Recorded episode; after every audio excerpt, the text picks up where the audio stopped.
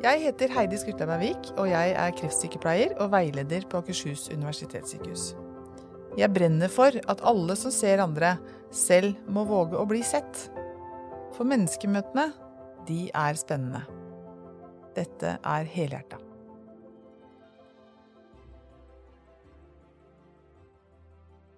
Hva er forskjellen på å leve og eksistere?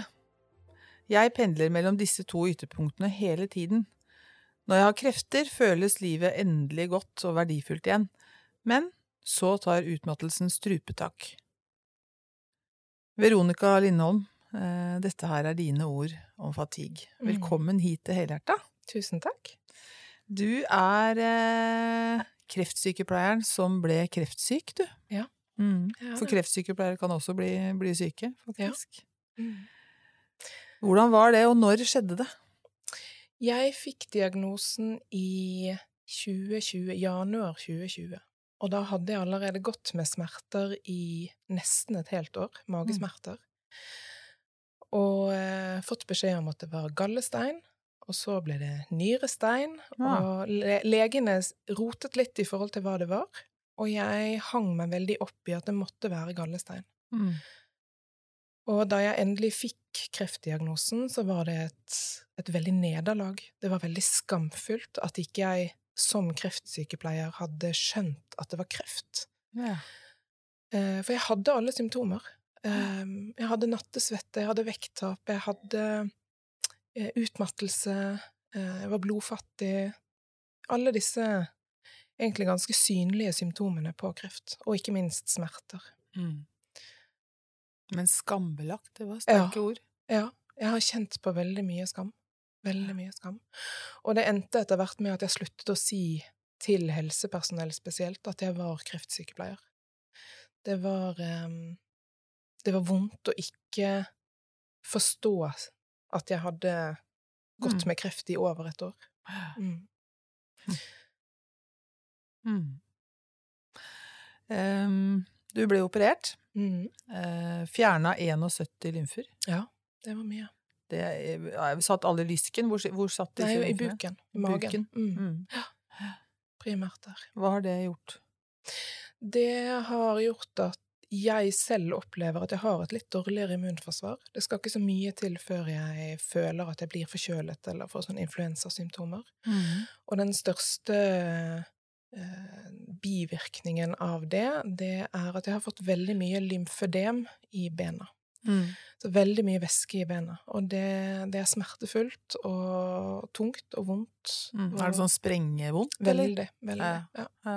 Og det kommer allerede fra jeg står opp. Hver dag? Hver dag. Mm. Herlighet. Så nå går jeg med eh, ulike former for støttestrømper døgnet rundt, også om natten. Mm. Bruker du sånn pulsatormaskin og sånn, eller? Ja, stemmer. Jeg gjør det. Jeg gjør det en halvtime til en time hver dag, hver ettermiddag. Mm. Og det hjelper, men det er selvfølgelig noe som påvirker livet mitt. Mm. Hm. Så det er eh, Og så fikk du cellegiftkurer. Ja, det gjorde jeg Mm. også. Det gjorde jeg etter operasjonen. Um, og det var også en Igjen, da er jeg tilbake til denne skammen igjen, for, for jeg kunne mye om cellegift. Jeg Ja. kunne jo langt mer enn mange andre, Ja. og så reagerte jeg voldsomt. Jeg ble forferdelig syk av cellegiften. Ja. Um, og så var det skamfullt, fordi jeg skulle jo tåle den, for jeg visste jo.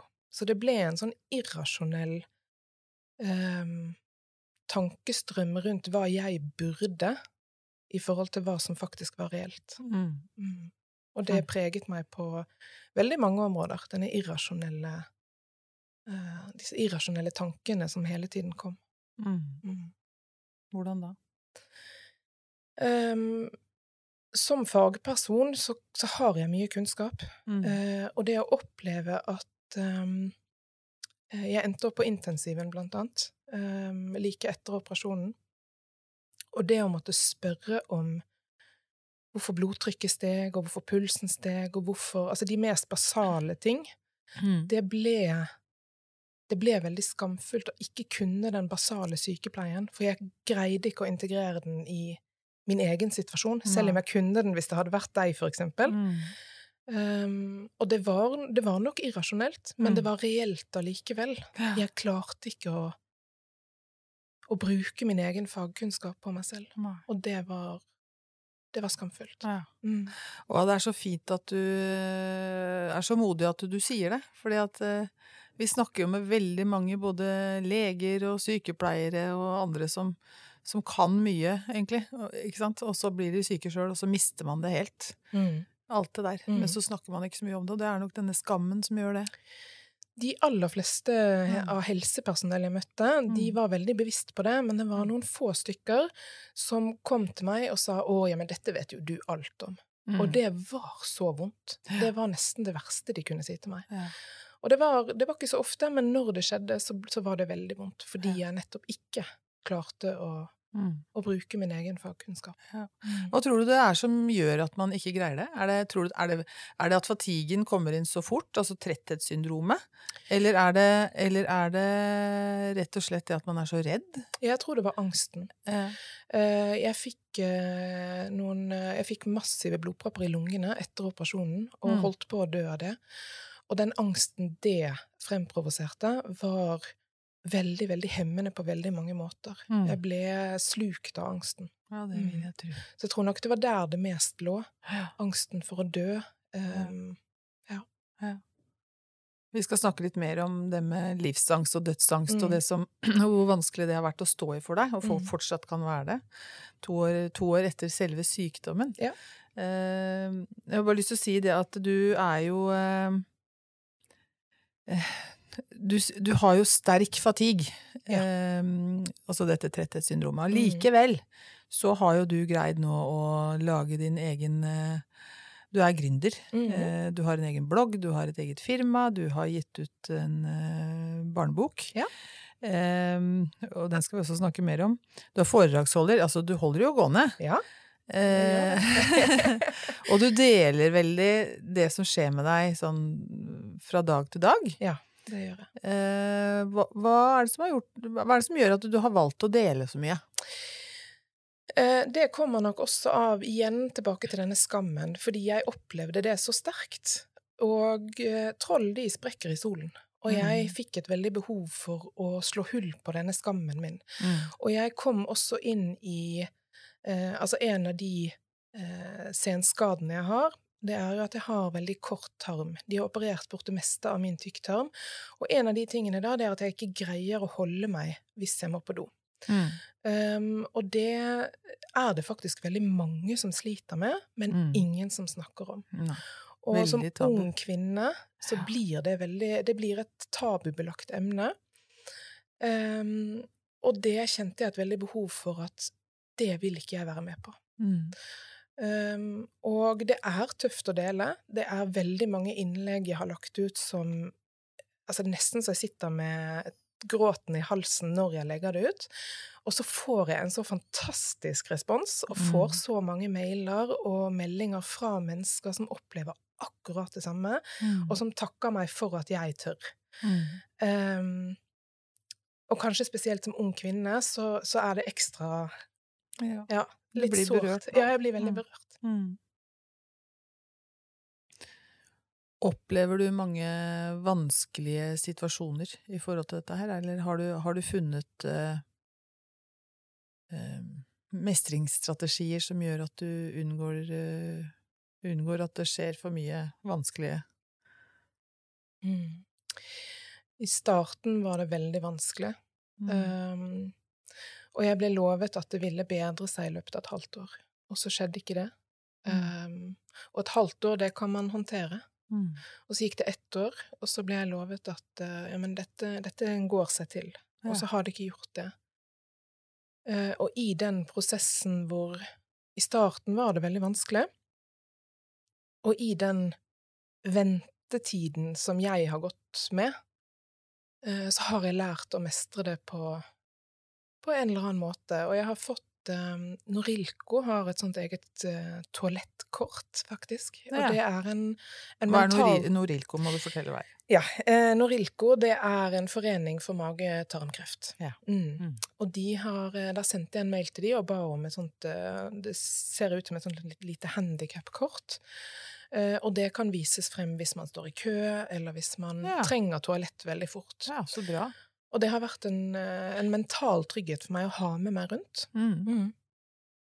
Mm. Ehm, Er det sånn at du må tenke over, eh, sånn før du kommer hit til opptak for eksempel, er det sånn at du tenker over hva du spiser på forhånd, sånn at du skal slippe ja, å tenke på at du skal gå på toalett og sånn? jeg tenker alltid over hva jeg spiser. Det er noen ting jeg absolutt ikke tåler. Men samtidig så lever magen sitt eget liv. Ja. Så det er ikke egentlig mulig å forutsi. Nei. Men jeg har en, eh, Mm. jeg har en strategi sånn som delvis fungerer. Ja. Mm. Fordi den tenker, er det en sånn du deler i bloggen din og, og forteller om den strategien, sånn at de For det er jo veldig mange, som du sier, som, som Mm. er plaga av samme At man må fort på do. Mm. Ja. Er nødt for å ha fort ha avføring, liksom. Ja. Da, da Jeg deler ikke alt, men jeg har delt ganske mye. mm. Um, og jeg har delt hvilke matvarer jeg spesifikt unngår. Mm. Um, Hva er det for hva? Nei, det, det er gjerne um, spesielt grønnsaker med veldig sånn grove fiber. Altså Ja. rødbeter, for eksempel. Det Ja. elsker jeg, men det kan jeg ikke spise lenger. Eh, og fet mat er også vanskelig. Mm. Så når det er um, julaften, for eksempel, Mm. da det, det var ikke en hyggelig natt etter, etter julaften, for da er det mye fet mat. Ja. Um, og da, da glemte jeg meg, uh, og spiste det samme som de andre. Ja, Ja, ja. koste meg. Og det var ikke noe lurt. Så, så jeg prøver å ha det med så mye jeg kan, men uh, Mm. det er ikke alltid jeg får det til. Nei. Hm. Og jeg har episoder hvor jeg uh, Altså, jeg har, jeg har løpt, mange, løpt inn på mange bensinstasjoner i veldig Mm. rask fart og håpet at toalettene var rene, og, Mm. Ja. Mm. og det, det er hemmende. Det er veldig hemmende. Ja, det er klart det må være det. Mm. Og alltid den utryggheten med 'tenk hvis det går galt'. Mm. Mm. For det gjør det noen ganger. Mm. Mm. Nå, nå sitter jeg med altså, Hva slags spørsmål er det? Er det sikkert noen der ute som kommer til å tenke nå, men jeg tenker, er det sånn at du Tenker du noen ganger at det nesten hadde vært bedre å ha en stomi enn å leve med den usikkerheten? Jeg har tenkt det. I starten tenkte jeg det mere. Eh, det gjør jeg ikke nå lenger. Nei. Jeg har på en måte vent meg til det, og Mm. Jeg har jo erfaring med stomi som sykepleier, Mm. og kjenner at jeg syns det er greit å ikke ha det. Ja. Det, det har også sine ulemper å ha det. Mm. Mm. Mm. Men, men hadde det vært verre enn det det er nå, så ville jeg nok eh, nok ønsket en stomi. ja. Mm. Så du, eh, det er jo en av ettervirkningene dine som du, som du sliter med, for du er jo kreftfri nå, Ja. er det ikke sånn? Ja, Ja. det. Takk og lov for det. Takk og lov for det. Ja. Ja. Eh, men du har jo en del andre Altså, du har kort tykktarm, Ja. eh, og så har du fortalt om, fortalt om lymfedemene dine, som Mhm. er da fra Er det fra bekken og ned, eller fra, fra ja, det er lårene og eh, ned? fra bekken og ned. Fra bekken og ned. Mm. Ja. Og så har du jo eh, veldig sterk fatigue. Ja. Eh, og fatigue, det er jo sånn vi hører om eh, Heldigvis har det blitt et mer kjent eh, ord de Mm. siste årene for, for ganske mange Mm. mennesker der ute, i, for, i forbindelse med mange sykdommer. Mm. Men det er likevel ganske mange som ikke vet hva det er. Kan ikke Ja. du fortelle litt om hvordan det er å ha sterk fatigue? Ja, jeg trodde jo før jeg ble syk at jeg kunne det meste om fatigue, Mm. og det har jeg måttet bite litt i meg, fordi Mm. opplevelsen av fatigue er veldig, veldig annerledes enn det som bøkene beskriver. Mm. Um, jeg pleier å sammenligne det med eh, når det er 20 kuldegrader, og du kommer ut og setter eh, nøkkelen i tenningen på bilen, og det bare er dødt. Sånn, sånn oppleves det. Eh, og det er en veldig fysisk opplevelse. Um, jeg føler meg syk. Jeg får hodepine, kvalme. Um, og det kan være Jeg har et par ganger sittet 100 meter hjemmefra, satt meg rett ned på veien og ikke visst hvordan jeg skulle klare å komme meg hjem de hundre 100 meterne. Uh, og det har, de verste periodene så, så er det vanskelig å komme seg opp i andre etasje. Og det er rett og slett Det, det finnes ingen Det finnes ikke noe ekstra gir. Det finnes ikke den, den lille 'Å, ta deg nå sammen'. Mm. Det er borte. Eh, Så det er, det er litt skremmende å Mm. oppleve hvor fysisk det faktisk er. Det er ikke bare trøtthet. Og jeg får veldig mange velmenende kommentarer om at eh, ja, men kan du ikke ta deg en lur på sofaen? Kan du Mm. ikke hvile deg litt? Men det hjelper ikke. Nei. Nei. Det er det som er så sprøtt. Det Ja. hjelper ikke. Nei, det hjelper ikke. Og, og det som også er sprøtt, er at jeg, selv om jeg er fullstendig utslitt, så får jeg ofte søvnproblemer Mm. når, det, når jeg har de verste periodene. Så Sover du lite om får ikke sove Nei. Ofte får jeg ikke sove om natten. Mm. når du allikevel er helt tom. Ja. Helt tom. Ja.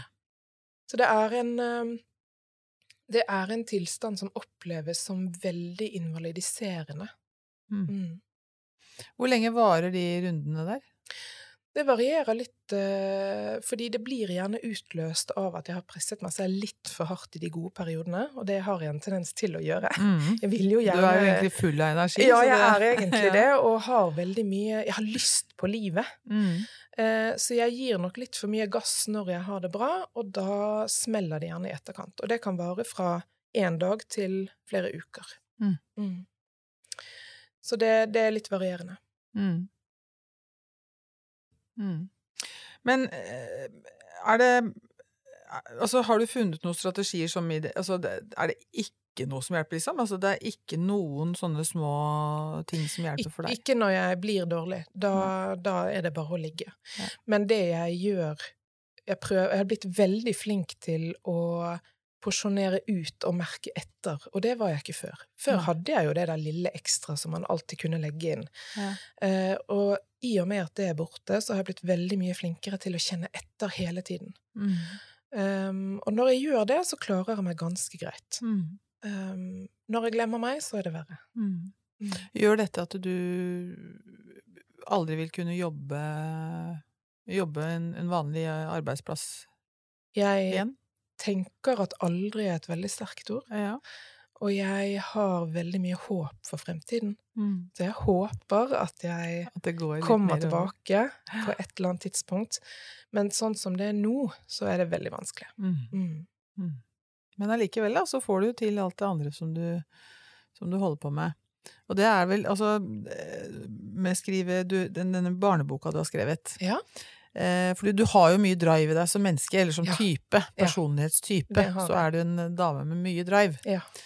Ehm, og du er jo alenemamma Ja. eh, til eh, en datter på ni år. Ja, hun var ni da jeg ble syk, så det er Ja. det jeg har sagt utad. Men nå er hun elleve. Nå er hun elleve. Og vi har skrevet, eh, eller jeg har skrevet en barnebok, og hun har illustrert den. Eh, og det kom som et resultat av eh, Da jeg ble syk, så sa jeg til henne det skal komme noe godt ut av dette. Og ingen av oss trodde på det. Og jeg messet det i, sikkert hver dag i, Mm. i halvannet år. Så messet jeg det skal komme noe godt ut av det. Mm. Um, og nå har det jo kommet noe godt ut av det. Og hun sa faktisk her for ikke så lenge siden at 'mamma, nå skjønner jeg hva du mente'. Mm. Og det er jo veldig godt. Og, og hun har jo da illustrert denne boken ut ifra hvordan hun opplevde å være barn som pårørende til en veldig syk mamma. Mm. Og eh, boken handler ikke om henne, men den speiler allikevel mange av de følelsene som hun og, og mange andre barn som pårørende Mm. opplever. Da. Mm. Mm. Boka heter Milla og skyggeklumpen. Ja. Mm. Det stemmer. Eh, og den eh, Det er bare å løpe og kjøpe, Ja. vel? Absolutt. Ja. Veldig gjerne. Veldig gjerne. Ja, så bra. Jeg, jeg, har, jeg har skrevet den sånn at den skal eh, hjelpe både barn og foreldre. Mm. Fordi foreldre forstår ofte ikke barna sine, fordi barn ofte utagerer på en måte som ikke nødvendigvis trenger å handle om synlig sorg. Um, så målet er at foreldre skal forstå barna bedre, og at Mm. barna skal kunne kjenne seg igjen i de følelsene som Milla har da, Mm. mm, i Mm. boken. Og er det for eksempel at man er egentlig livende, livende redd for at eh, du skal, mamma skal være hjemme alene, og Ja. så sitter hun på skolen og slår seg vrang fordi at hun vil hjem? Og ikke passe- og greier passe å konsentrere det, seg. Og, ja. Ja, ja. og det er jo veldig typisk at barn vil passe på, Mm. og ikke vil miste av syne. Ja. Og det kommer også frem i boken, at, eh, at Milla syns det er vanskelig blant annet å være på skolen. Mm. Mm. Mm. Og læreren ikke helt forstår henne. Mm. Mm. Jeg tenker på det som i forhold til barn eh, som jeg, jeg syns jeg så så mye av, eller som jeg har sett mye av i alle disse årene med, som kreftsykepleier. Barn som tar så mye hensyn. Veldig. Mm. De blir små voksne ofte, Ja. eh, og mange greier ikke å leke på samme måte som før. Og det, er, det kan jo også være veldig hemmende. Mm. Mm. Så, så dette Jeg brenner jo veldig for barn som pårørende. Jeg har jobbet med barn som pårørende i veldig, veldig mange år. Mm. Eh, og det å selv erfare personlig hvordan det er å ha et barn som pårørende, har Mm. påvirket meg veldig, veldig sterkt. Mm. Eh, og en av de tingene jeg har opplevd sterkest, er eh, at fagkunnskapen er kjempegod.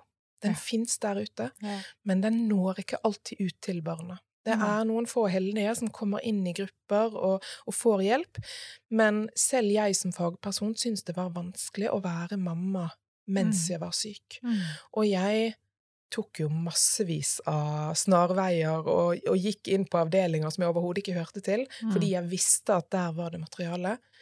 Men det gjør jo ikke de fleste andre Nei. ordentlige Nei. mennesker, vet- skulle jeg til å si. Nei, de vet jo ikke hva de skal se etter. Nei, de vet ikke det. Nei. De vet ikke hva som fins. Og det fins jo veldig mye bra. Mm.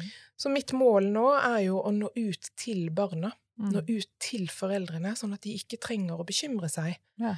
Um, I hvert fall ikke for mye. Mm. Kanskje du skulle reist på barneskoler og sånn, du da? Snakke om Det, dette her? det er det jeg gjør. Jeg holder foredrag for eh, skoler, for helsesykepleiere Ja, så fint. Ja. Eh, og foreldre, ikke Mm. minst. For jeg tenker Barn som pårørende er jo ikke bare til de som er, har foreldre som har kreft. Nei. Det er jo ganske mye annet. Ja. Jeg tenker foreldre som har angst, depresjoner Mm. eh, Psykiatri er jo et stort mm. område, men så er det jo også eh, rus, det er fengsel. Altså, Ja. mennesker som sitter i fengsel, har også barn. mm. Eh, og så er det selvfølgelig mange andre alvorlige sykdommer. Mm. Eh, og fordi jeg er kreftsykepleier og selv har hatt kreft, så er det kreft jeg har fokus på. Mm. Men, men dette er jo et stort område. Mm. Og jeg opplever jo også at uh, lærere og pedagoger har mye kunnskap om den akutte fasen, Mm. men så blir det litt glemt. Ja. Og kreft er jo ikke noe som går over selv om behandlingen er slutt. Nei. Det ligger jo i bevisstheten til både barn og, voksne i lang, lang, lang tid. Ja. Og det ønsker jeg mer bevissthet rundt. Mm. Mm. Mm. Så bra. Mm. Det er veldig bra. Hvordan Altså, jeg tenker Du, du var eh, opptatt av dette her som fagperson og kreftsykepleier. Eh, Hvordan var virkeligheten det å ha barn eh, i forhold til hva du trodde som syk, liksom? Det var kjempetøft. Mm. Fordi jeg ble veldig, veldig svak. Um, som foreldre så er vi jo ikke mennesker. Vi er jo fjell. Vi er jo store, sterke, staute stammer som bare er. Eh, og det å vakle som det fjellet, det påvirker jo barna våre veldig. Ja. Um, og jeg vaklet til, i aller høyeste grad. Jeg vaklet veldig, jeg gråt veldig mye. Mm. Um, og, og det også tilbake til skammen. Jeg skammet meg over det også, at hun skulle se meg gråte så mye. Mm. Og som alenemor så var det veldig tøft, for det var ingen som kunne ta over og, og skjerme henne fra det. Tror du det hadde vært riktig å skjerme henne fra det? Eh, til dels, fordi som utgangspunkt så vil jeg si nei, for det er jo ikke farlig å vise følelser. Men jeg gikk inn i en ganske dyp depresjon Ja. etter, eh, etter behandlingen, og Mm. det, det ble litt for mye for henne. Ja. Det kjente jeg. Ja, det ble Mm. litt store mengder. Ja.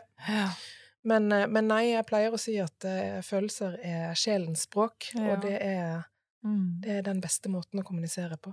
Mm. Så at hun så meg gråte, det syns jeg ikke gjør noen ting. Mm. Men eh, det ble nok litt for mye for henne. Mm. Vi skal snakke litt mer om, om din depresjon og, og angsten du opplevde, men før vi, før vi går bort fra datteren din, da, så tenker jeg hva Nå har det gått to år, og du, eh, du er på et litt annet sted mentalt også. Mm. Eh, hvordan har hun det i dag? Hun følger jo meg. Ja, Ja. Så det at jeg har Mm. fått det bedre, har jo speil, speiler jo hun med en gang. Så jeg Mm. ser at hun begynner å komme seg nå. Men det har tatt veldig lang tid for henne også.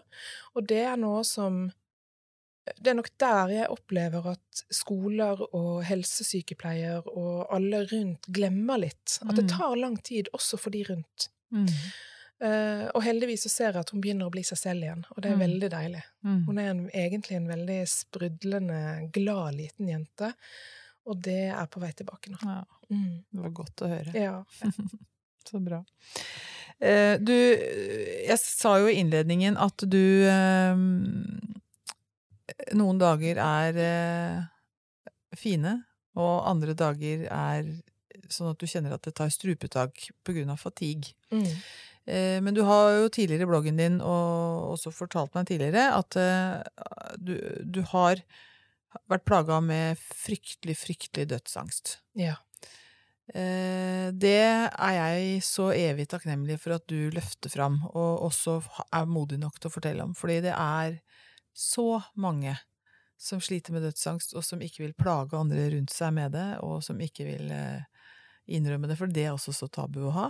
Ja. Eh, og så er det jo dette med at det, dødsangst det er jo ikke bare dødsangst, det handler egentlig kanskje vel så mye om livsangst.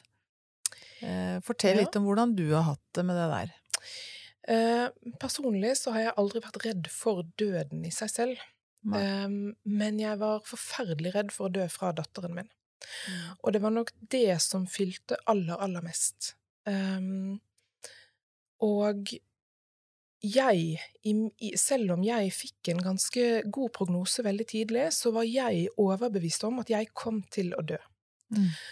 Um, Hvorfor, hvorfor det, tror du? Var det en tvangstanke, eller var det, var det kreftsykepleieren som kunne egentlig altfor mye og litt for lite akkurat da, eller?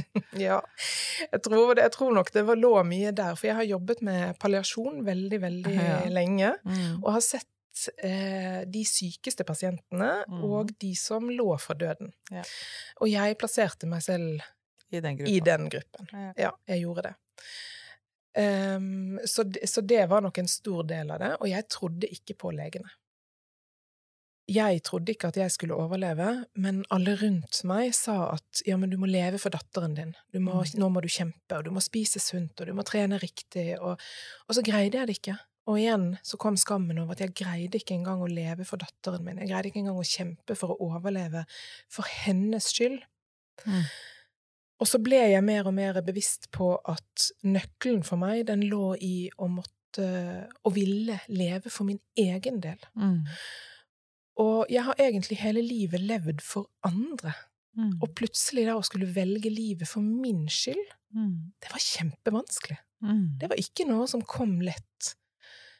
Og jeg har opplevd eh, store tap tidligere i livet, og det har Mm. vært kjempetøft. Og plutselig så ble livet igjen veldig, veldig tungt.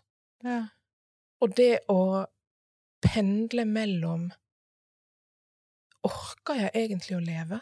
Mm. Og lysten til å leve, den Mm. ble veldig sterk. Ja. Og det tok veldig lang tid, hvor jeg var frem og tilbake. Og jeg kan ikke si at jeg er helt ute av den enda. Nei. For de dagene hvor fatiguen rammer meg hardest, da er jeg litt tilbake i den der Orker oh, dette her, liksom? Ja, livet blir veldig, veldig tungt. Mm. Og så kommer det en sorg knyttet til det, fordi at det er vondt å kjenne at livet er så tungt, når jeg egentlig så gjerne vil. Jeg har så mye jeg skal her på jorden. Mm. Og jeg er fortsatt ung. Um, Hvor mange år er du? jeg er 42. Mm. Mm. Og jeg har mye, mye på hjertet, og mye Mye liv igjen. Mm. Og her du sitter nå, så stråler det jo liv av deg. Så det er eh, Takk. ja. Og det er sikkert også noe som kanskje er litt vanskelig, at du ser så mye bedre ut enn du føler deg. Ja, veldig. Mm. Og jeg mistet ikke håret da jeg fikk cellegift heller. Nei. Og da husker jeg at jeg sto med barbermaskinen på hodet og tenkte nå tar jeg det. For jeg fikk så mange kommentarer om hvor bra jeg så ut, Mm. og så følte jeg meg helt forferdelig. Mm. Og kontrasten mellom hvordan jeg hadde det innvendig og hvordan jeg så ut, ble så voldsom at folk skjønte det aldri. Det var i hvert fall min opplevelse. Ja. At folk skjønte ikke hvor dårlig jeg egentlig var. Nei, det tror jeg du har helt rett i. Mm. Mm. Men jeg tok ikke håret, så det er jeg glad for nå. det, var, det var sikkert også bra for datteren din, ja, det når du først fikk beholde det, at hun, at hun slapp akkurat den prosessen der også.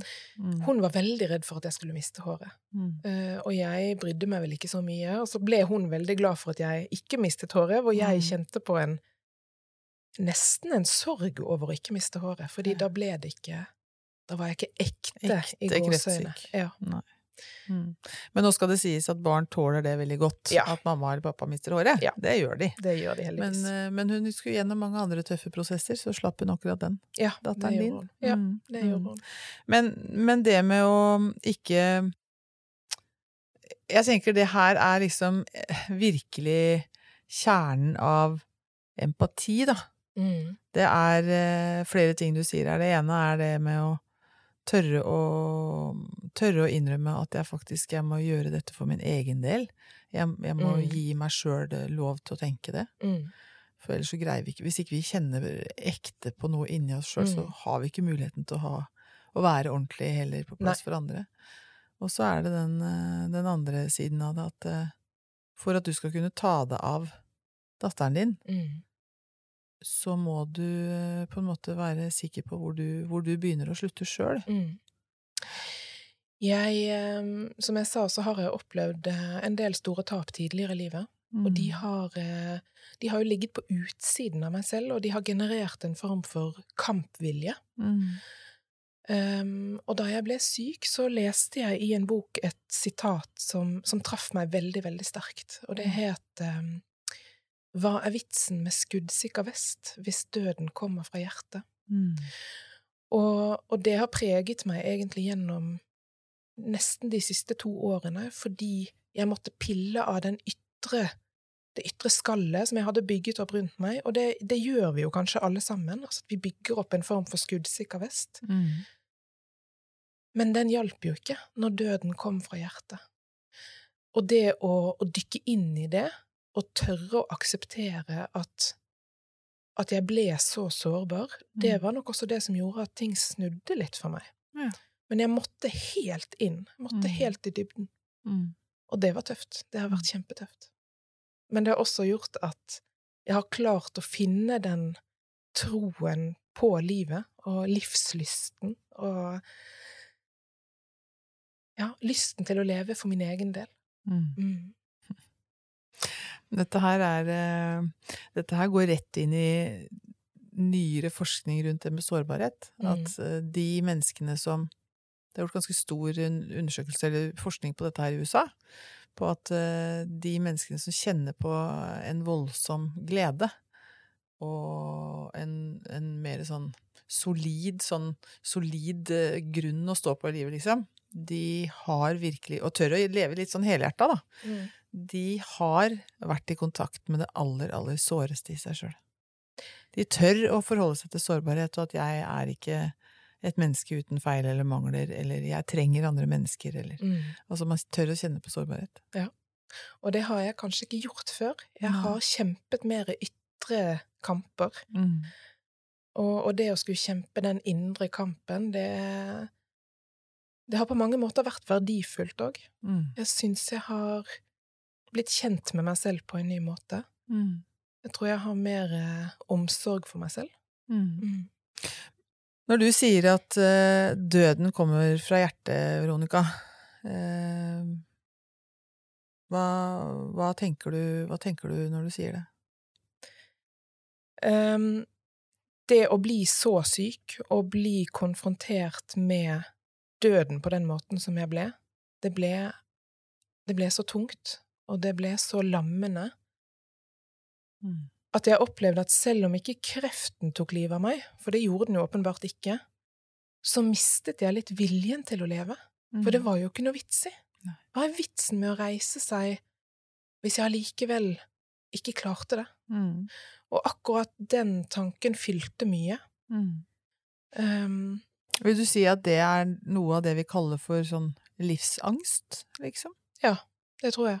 Mm. For det ble også skremmende og uh, Som sagt så har jeg reist meg i ulike situasjoner tidligere når jeg har opplevd å bli slått litt i bakken. Mm. Um, men det å Det var skremmende å skulle reise seg, fordi da risikerte jeg også å møte ny smerte. Mm. Og det orket jeg ikke. Jeg hadde ikke mer å gi. Jeg hadde ikke mer eh, Ikke mer kampvilje. Nei. Det er risikoen. Mm, Risikoen for avvisning, risikoen for tap, risikoen Ja. for smerte. veldig. Det er så masse risiko. Ja. Og så Og risikoen for vi... å dø allikevel. Ja, ikke sant? Bare, bare, bare det å tro på at jeg skulle overleve, var risikofylt. Mm. For det kunne hende jeg tok feil. Mm. Mm. Unnskyld. Så jeg blir veldig det, var, det, var, det, har vært en veldig veldig lang og tung prosess, og, og jeg er ikke over den ennå, og kanskje vil den vare i flere år ennå. Men jeg kjenner at livsgnisten er Mm. tilbake. Mm. Ja. Mm. Um, frøet er sådd, Ja. og det begynner å slå rot. Mm. Eh, Jeg er eh, Jeg sitter og føler kjenner på en sånn ærbødighet av å sitte og, og snakke med deg, fordi at du Jeg syns du eh, Du setter så veldig klare, tydelige, gode ord på de tankene som jeg vet at veldig, veldig mange, eller som Mm. veldig mange av de menneskene jeg har møtt opp Mm. gjennom åra, har, har fortalt noe rundt det og, og, og om det, men ikke så konkret. Det er, eh, det er veldig fint. Jeg tror det at du forteller dette her, kan hjelpe så enormt mange andre. Jeg håper det. Um, og en av de tingene vi kanskje er litt redd for i dagens samfunn, det er døden. Den er Mm. blitt så fremmed for oss. Og jeg har jobbet med døden i hele min yrkeskarriere, og nå har jeg fått lov å hilse litt på den, hvis jeg kan bruke et Mm, sånt uttrykk. Um, men jeg tror vi forholder oss til døden som en veldig ytre, fremmed ting. Og sånn er jo ikke døden. Nei. Det angår oss jo i aller høyeste grad. Mm. Og jeg snakker en del om på de foredragene jeg holder, om hvordan man kan tørre å snakke om døden. Og man Mm. kan ikke snakke om døden hvis man ikke selv går inn i det. Og det er eh, Det er noe de færreste av oss kanskje gjør i løpet av et liv. Mm. Men å, å tørre å dykke inn i essensen av døden, Mm. dybden Mm. av det Mm. Jeg, jeg må si at jeg, jeg har jo aldri vært i nærheten av å tenke på at jeg, at jeg ønsker å dø, eller eh, jeg har, jeg har hatt noen suicidale tanker. Jeg har aldri vært så syk at jeg har vært i nærheten av det. Men jeg har vært i nærheten av veldig mange mennesker som, som har hilst på den, sånn som du sier. Det har gjort at jeg har tenkt at noen ganger når man er så sliten, og når man er, har, det, det, er, så det er så langt fram til at man blir bedre, på en måte, eller at man kan få det bedre, da, så, så kan det noen ganger virke nesten litt sånn forlokkende og, og litt sånn avslappende å få lov til å gi slipp også. Og det syns jeg så mange egentlig gi gir litt uttrykk for, samtidig som at man vil ikke dø. Altså, den Mm. kommer liksom sammen, Mm. hånd i hånd. De går veldig hånd i hånd. Ja. uh, og jeg har blitt spurt veldig, veldig mange ganger om jeg er suicidal, eller var. Mm. Uh, og det skjønner jeg, for jeg var veldig langt nede, jeg var veldig deprimert. Mm. Uh, men jeg kan med hånden på hjertet si at det har jeg aldri vært. Nei. Men behovet for å slippe smerte, Mm. det har vært der. Mm. Enormt sterkt. Behovet for å få fred, for å bare kjenne på ro. Mm. For når man er så syk, og når man kjenner så sterkt på Uro og angst og angsten, vil jeg si, Mm. Mm. det, er, det tar veldig, veldig mye krefter. Det er veldig slitsomt å gå med den angsten og uroen og disse tankene så mye. Mm. Ehm, så jeg tenker at ja, behovet for å få lov å slippe smerte og angst, det har vært veldig sterkt. Men ønsket om å dø har aldri vært der. Nei. Og jeg føler, en veldig, jeg føler meg ganske komfortabel med tanken om død. Det er ikke noe som skremmer meg. Men jeg har samtidig lyst til å leve. Mm. Mm. Og det kan man kjenne på samtidig. Mm. Det trenger ikke å være enten-eller. Eh, Og lysten til å leve har vokst i meg. Den var ikke så sterk i starten, men den, den kommer. Og stadig mer og mer. Mm. Mm. Også selv om jeg kjenner på behovet for hvile og ro og Ja. få slippe. Mm. Mm. Hm. Har du blitt enda mer klar over småtingene i livet? De små gledene? Eller er det en myte? Nei, det er ikke en myte. det er definitivt ikke en myte. Jeg har kjent veldig på at når man er så langt nede, så Mm. er det faktisk de små tingene som kan gi et løft. Mm. Og bare det å, å kjøpe seg en krem som lukter litt godt, eller å drikke en god kopp kaffe, eller eh, ta på seg noen nye øredobber det er, det er sånne små ting som kan løfte. Mm. Og det gjør det. Det har i hvert fall jeg opplevd. Mm. Uh, og jeg har opplevd det på en ny måte, for sånn hadde jeg det ikke før. Nei. Selv om jeg kanskje sa at jeg var bevisst på det, Mm. så erfarte jeg det nå. Mm. Mm.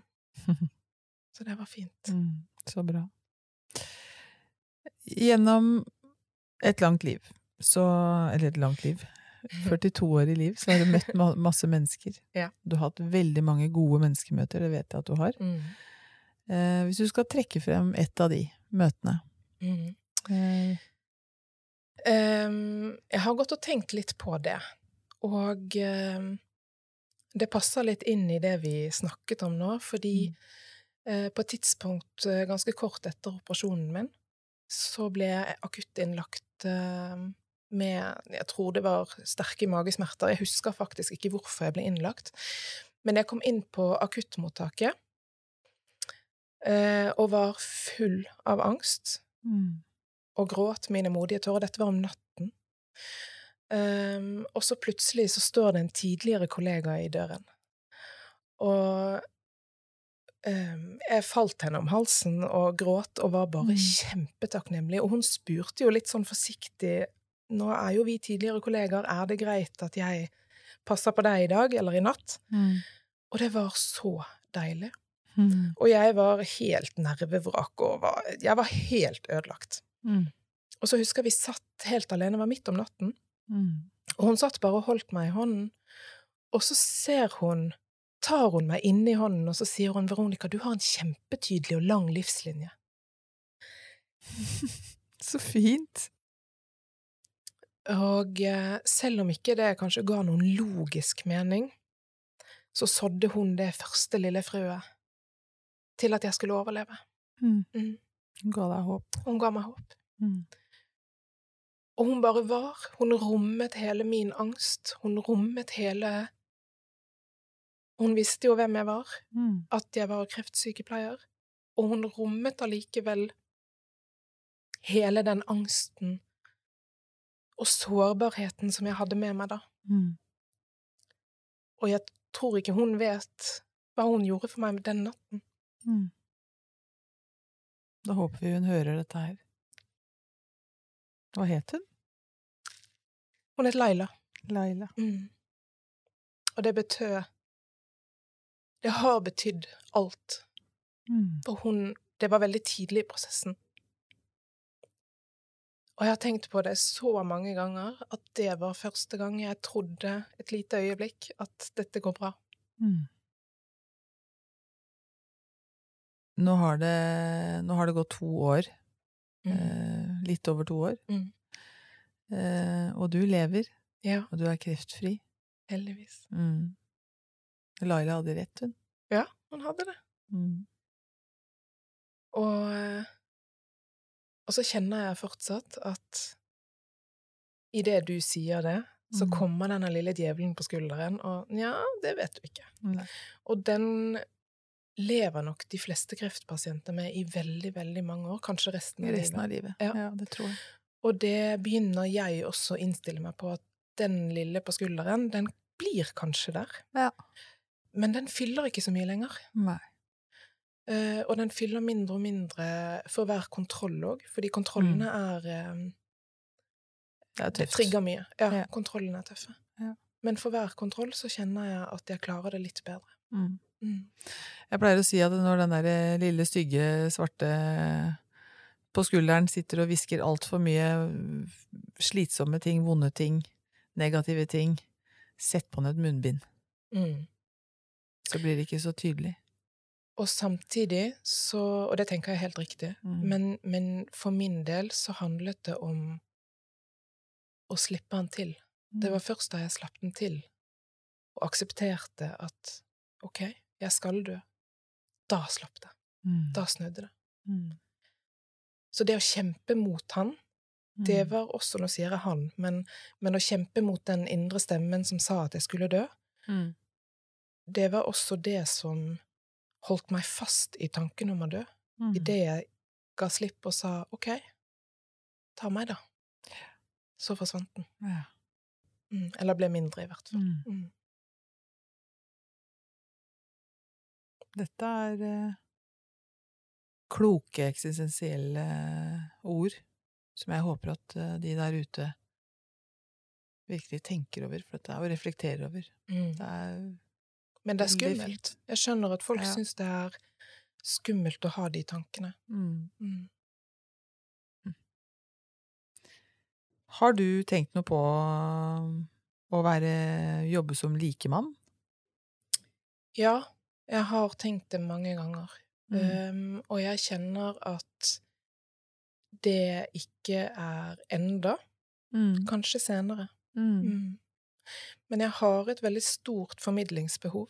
Ja. Jeg har et veldig stort behov for å hjelpe, Mm. men kanskje på en litt annen måte enn det jeg har gjort tidligere. Mm. Um, det å jobbe som kreftsykepleier én til én, det vet jeg ikke om jeg skal enda. Nei. Men, men å formidle Mm. på ulike måter, absolutt. Mm. Mm. Mm.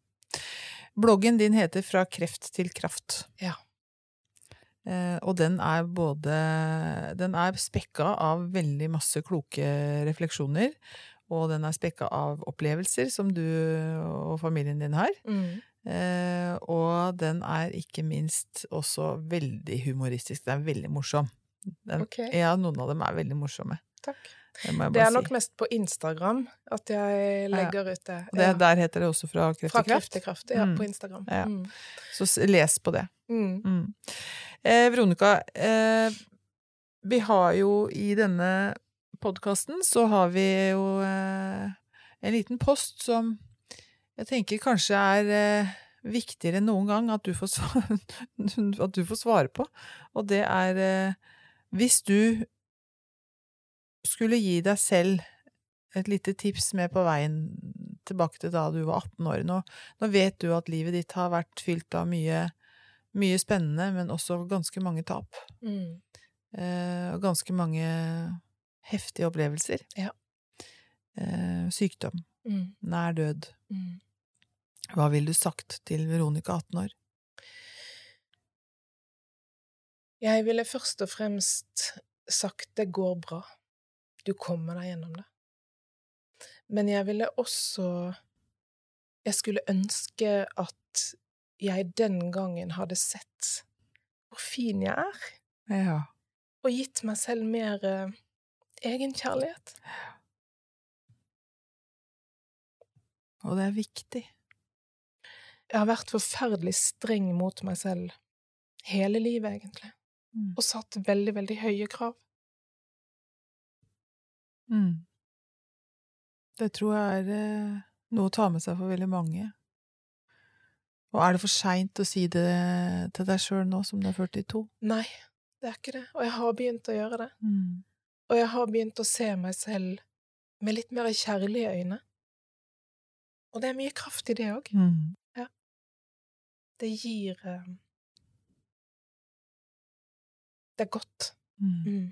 Mm. Det bygger meg opp, Mm. istedenfor å hele tiden kritisere og være streng og forvente mer. Mm. Det å kunne senke skuldrene litt og se at ja, men det er godt nok. Mm.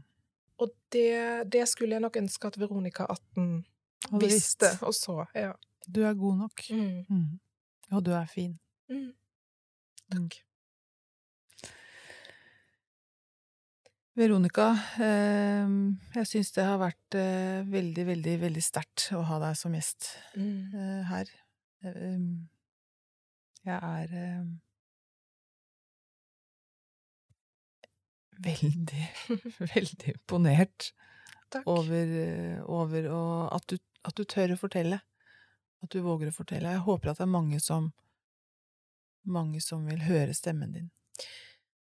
Mm. Tusen takk. Det håper jeg òg. Og Mm. jeg ønsker å hjelpe. Jeg ønsker å være noe for andre også. Og meg selv. Mm. Og jeg er veldig glad for at jeg fikk lov å komme. Mm. Så tusen takk. Tusen takk for at du kom. Masse, masse, masse lykke til videre. Takk.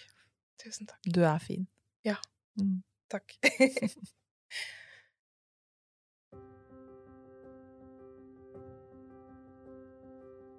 Helhjerta er en podkast fra Kompetansebroen, en digital plattform for kompetansedeling i helsetjenesten.